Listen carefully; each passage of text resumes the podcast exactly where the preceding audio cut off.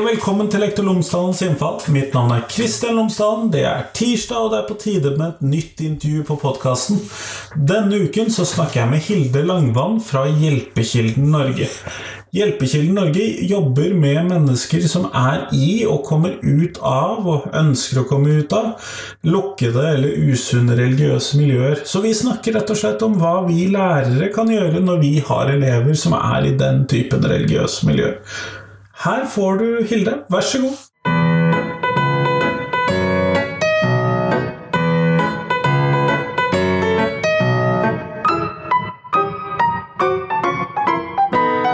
Hilde Langvann, tusen takk for at du har tatt deg tid til meg i dag.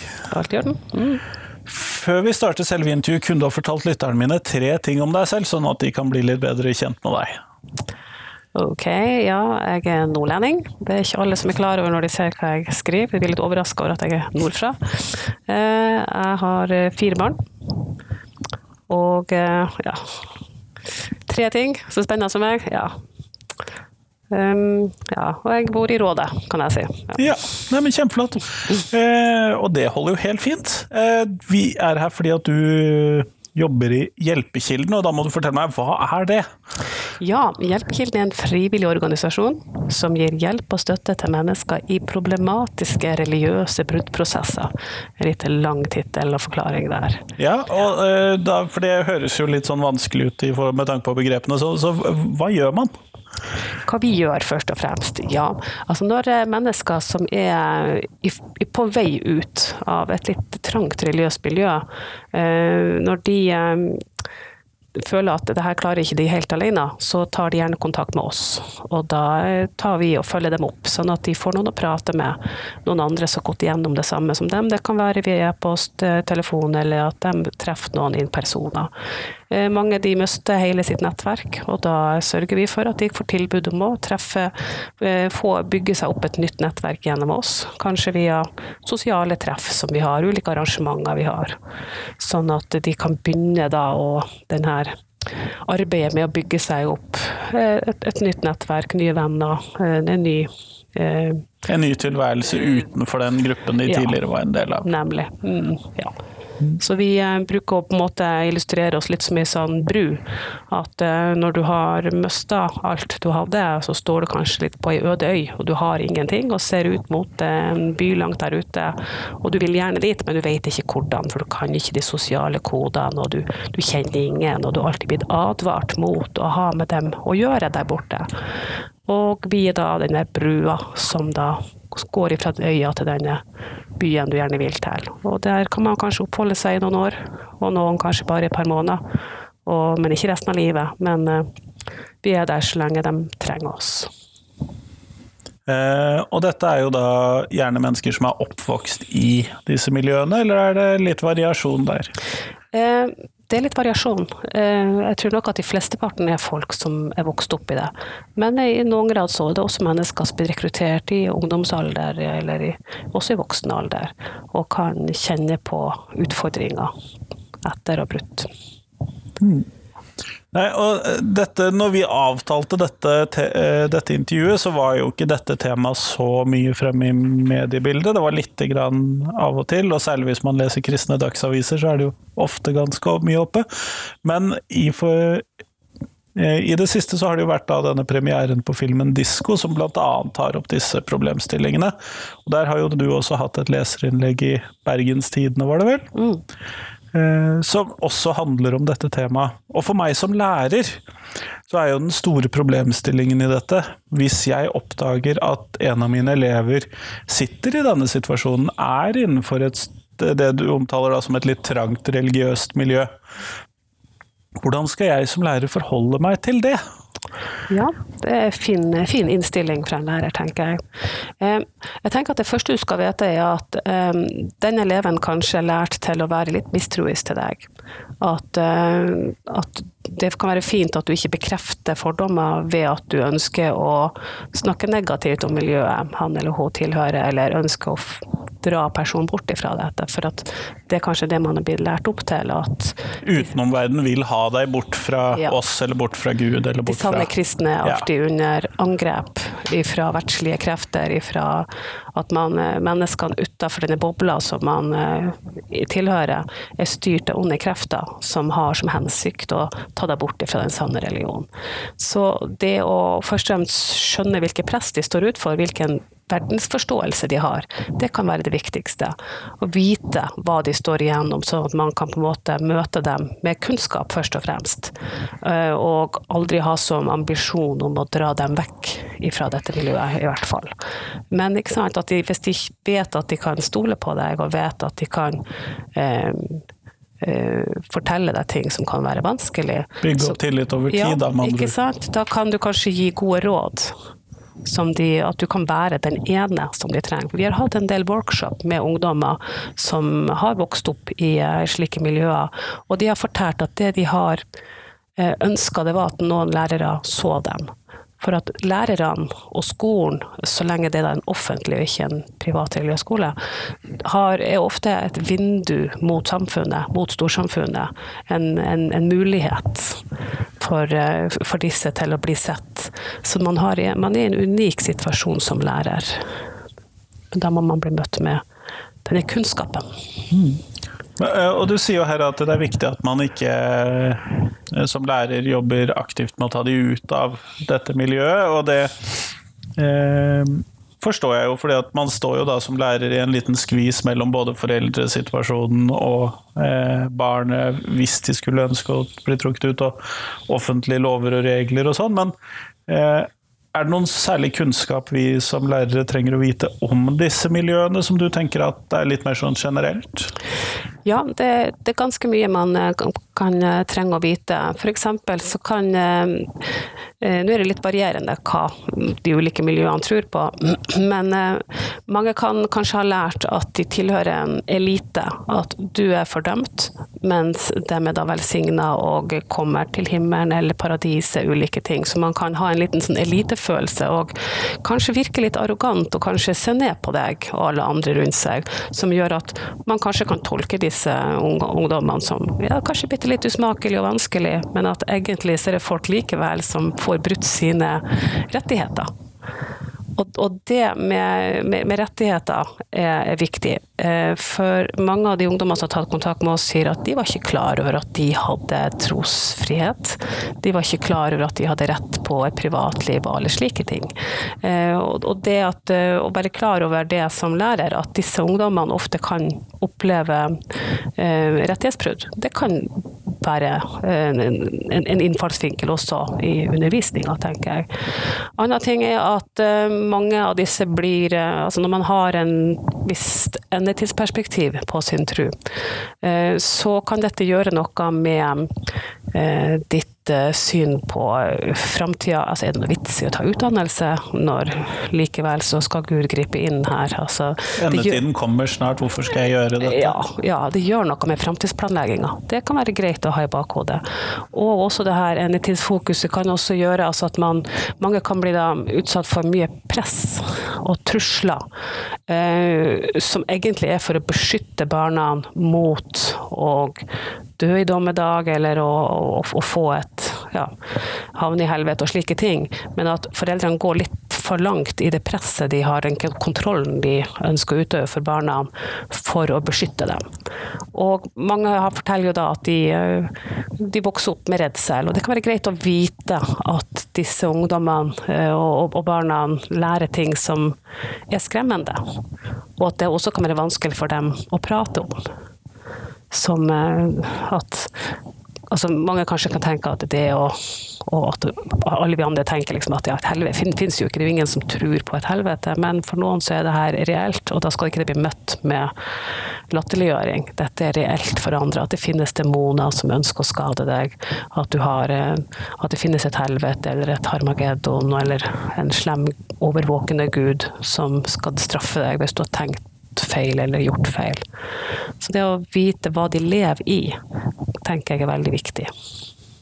Det er jo interessant dette du sier med at de ikke visste om Eller mange av dem ikke vet om hvilke rettigheter de har. Mm. Og dette tenker jeg jo at uh, sier noe om at det da kan være et behov for et sånt litt mer høyere generelt trykk på f.eks. barnekonvensjonen i samfunnsfagen, sånn generelt sett i et klassemiljø hvor man vet at denne typen elever eh, er en del av miljøet? Ja, jeg tenker at generelt så burde kunnskapen om eh, rettigheter opp i skolen uh, uansett. Jeg syns det er for lite kunnskap om det.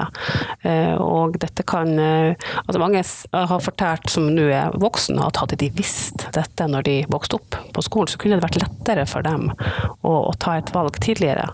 At de visste at på en måte loven står på deres side. At de har rettigheter. Det kunne vært avgjørende for mange. Mm. Eh, nå ser det ut som det er et visst håp for at dette kommer litt sterkere inn i samfunnsfagene i forbindelse med fagfornyelsen. At det blir et litt større trykk for det i eh, læreplanmålene. Så det er jo lov å håpe at vi ser en forbedring der. ja, det er kjempefint. Og vi har jo også, Hjelpekilden hatt et prosjekt nå i år der vi har laga en eh, egen brosjyre som er sendt ut til alle videregående skoler, også helsestasjon for ungdom, som heter 'For ditt liv, dine rettigheter'. Der vi tar eh, opp en del rettigheter som bruker å bli brutt i de miljøene som våre brukere kommer ifra. Og der er det håp om at denne her er på en måte et, et sånn startskudd, kan man si. Altså det her kan man da eh, Det, det er jo da for å kunne identifisere rettighetsbrudd i egne liv og andres liv, og kunne eh, bli oppmuntra til å ta positive valg for eget liv. Og eh, vite hvor man kan høre om hjelp. Og det er jo viktig. Du nevnte dette her i stad med at man har blitt opplært i relativt skremmende ting En del av de har blitt opplært i relativt skremmende ting i barndommen. Eh, og jeg kan jo tenke meg at en sånn bekymring for klassekamerater som da ikke kommer til paradis eller himmelen, kan være en ganske fremtredende faktor. Ja. Det har jeg hørt mange har fortalt om. At, og det gjør jo også at mange sånn når de forteller om de voksne så blir de litt flau, men ikke sant, at i tenåringsalder, altså når de gikk på skolen, så brukte de kanskje mye tid på å misjonere for disse ungdommene, fordi at de, eh, de var redd for at de skulle havne i helvete. De var redd for å miste venner og sånn? Ja, absolutt, og de gjorde det jo av eh, beste mening.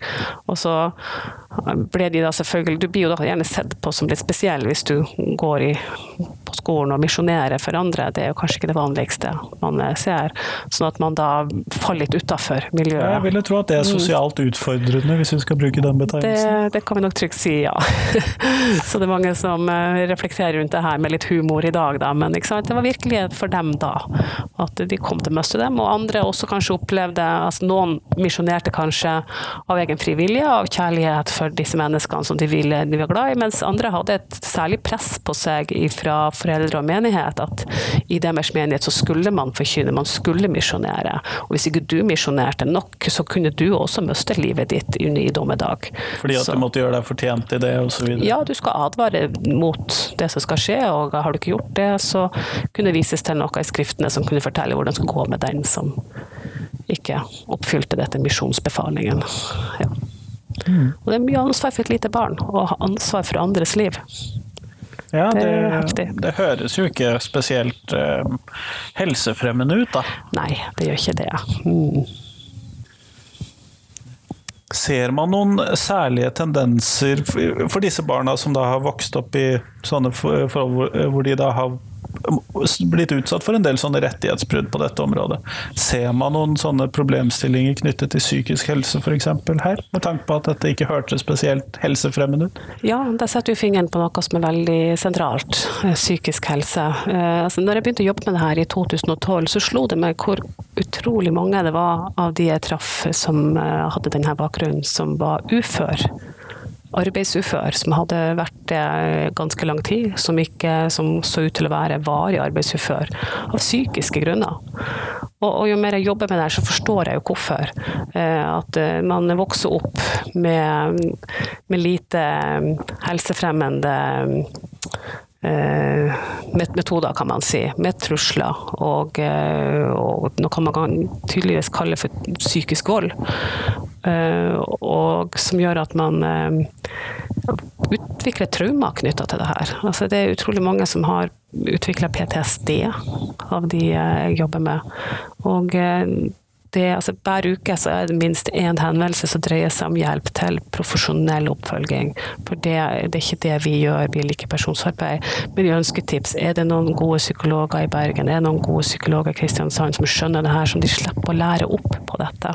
Noen det, som har jobbet med dette fra før av? Ja, og, og, det ikke like lett å finne. Det er veldig, veldig kort liste over de som har erfaring på dette. Og som regel, vil kanskje vi oppmuntrer dem ja, men ta kontakt med fastlege, få henvisning til DPS. Det kan være positivt. Og så har jeg fått sett masse avslagsbrev de har sendt til meg, der de begrunner med at ja, men bare snakk med noen isteden. Dette virker ikke så veldig alvorlig. Jeg forstår at det har vært vanskelig med dommedag og sånn og sånn, men de, ser ikke helt uh, at dette har De ser ikke alvorligheten i det, dessverre. Så kompetansen generelt i, uh, ja, i helsetjenesten er, er, er, skremmende svak på dette. Som en psykolog sa til en av våre brukere, ja, men jeg skjønner ikke problemet. Det er jo bare å melde seg ut. Og, som om at det skulle være en bokklubb du melder deg ut. og alle vi andre vet jo hvor vanskelig det er. Jeg kan bare melde seg ut i en bokklubb. ikke sant? Så det å eh, Når bokklubben i tillegg er hele ditt sosiale liv, og du har blitt truet med dommedag hvis du Ikke sant. Ja. ja. Og du, du, har ingen eh, Du føler at du har ingen eh, sosiale skills til å klare deg utafor heller. Du du, du, føler at du kommer til et, ikke bare til et annet land, men som, annet, som at du kommer til en annen planet. At så, så, vanskelig, så tøft er det. Et helt annet språk man snakker. Men også, og så ser du norsk ut. Du snakker jo norsk flytende og har et uh, norskklingende navn. Og likevel så føler du deg ikke norsk i det hele tatt. Så det er særdeles utfordrende for de det gjelder. Så ja, de aller fleste sliter psykisk i, i lang tid etter å ha brutt med et sånt miljø. Dessverre. De eh, fleste dere hjelper er eh, med en norsk bakgrunn, eller fra type kristne grupperinger, eller hvordan er det? Ja, de fleste kommer fra ulike kristne trossamfunn. De kan likevel ha ikke-norsk bakgrunn, men, eh, men, at de, fleste religiøse miljøene er i bunnen kristen. Men så er det også eh, enkelte ytterliggående muslimske miljøer. Eh, og så er det også enkelte hva skal man kalle det, for, der det ikke er kristendom eller religion i bunn, men det er det samme mekanismene man bruker. Altså det er snakk om eh, hva er det, sånn New Age-miljøer, der man likevel ikke skal kontrollere, ikke hva heter det, ikke kritisere lederen, der du skal bryte alle bånd med familie for å oppnå denne selvutviklingen. Og, eh, og, der du skal være lojal, lydig, ikke kritikk, ikke sant? og ikke ta til deg annen kunnskap enn den som er tilrettelagt for deg. De, alle de røde flaggene som vi ser i de her ytterliggående kristne miljøene. Så det finnes også. Nettopp. Eh, er det noen sånn ytterligere røde flagg jeg som lærer bør se etter, hvis jeg da har elever som jeg mistenker står i dette? For du sa jo noe her noe med ikke ta til seg kunnskap utenfra, ikke kritisere ledere osv. Er det noen andre sånne typer røde flagg som jeg vil kunne se i min undervisningssituasjon? Um, ja, altså det er jo en veldig det som er gjennomgående, er jo litt den svart-hvitt-tenkningen, at det finnes ingen nyanser. At enten ser du god eller så ond, enten er du for eller så er du mot. Enten så kommer du til himmelen eller til helvete. Og det preger også tankegangen på mange andre måter også. Det å få hjelp til å se nyansene er noe som eh, kan være viktig for, for disse ungene. Um, ja. ja, det er iallfall noe av det. Mm. Men hvis jeg som lærer da står i dette her og lurer litt på hva jeg skal gjøre, hvor, hvor er det jeg henvender meg? Du skal bare ta, ta ringe meg, så kan du få gode råd. Og jeg kan lede deg videre til nettsider som har gode ressurser som vi har utvikla. Eh, og, eh, og så tenker jeg også at eh, det viktigste du gjør Du har, liksom, du har en elev som har kanskje tilhører et trangt, lukka, isolert religiøst miljø. Tenk at nå skal du ikke redde denne personen, men at du kan være, være der for hun eller han. At det viser at du er til å stole på, at, at det finnes ålreite folk også utenfor menigheten. Og det, det, kan være avgjørende for den personen senere, og det kan kanskje ta noen år. Men, eh, men det er en fin start. Mm. Hjemmesiden er hjelpekilden.no, er det ikke det? Ja, det er det. Og derifra så kan du også komme til ressursene storslo.no, som er en eh, ressurs for, eh, for lærere og andre i førstelinjen som treffer unger som har denne bakgrunnen. Og så har vi også en lenke der til fritro.no, som da er, er mer til elevene sjøl, som handler om hvilke rettigheter dere har som vokser opp i slike miljøer. Så stortro.no og fritro.no. Ja, mye, mye tro her. det blir fort det. Ja. Kjempeflott. Vi går mot slutten av podkastintervjuet, og da lurte jeg på å Eller da skal jeg stille deg det samme spørsmålet som jeg stiller til alle de som jeg intervjuer på podkasten min. Og det er rett og slett hva skal ut av skolen hvis du fikk lov til å bestemme? Dette er jo en skolepodkast, så det Nemlig, nemlig. Ja. Um, ja, jeg er i hvert fall kritisk til forkynnelse i skolen. Uh, for barn uh, er så lett påvirkelig, og uh, framfor forkynnelse så heller å læres opp i, i, hvilke rettigheter man har. Trosfrihet spesifikt, tenker jeg. Så det, det er det går. Jeg har begrensa kunnskap. Forkynnelse ut og rettigheter inn. Ja. Kjempeflott. Tusen takk for at du tok deg tid til meg i dag. Alt i orden. Takk skal du ha.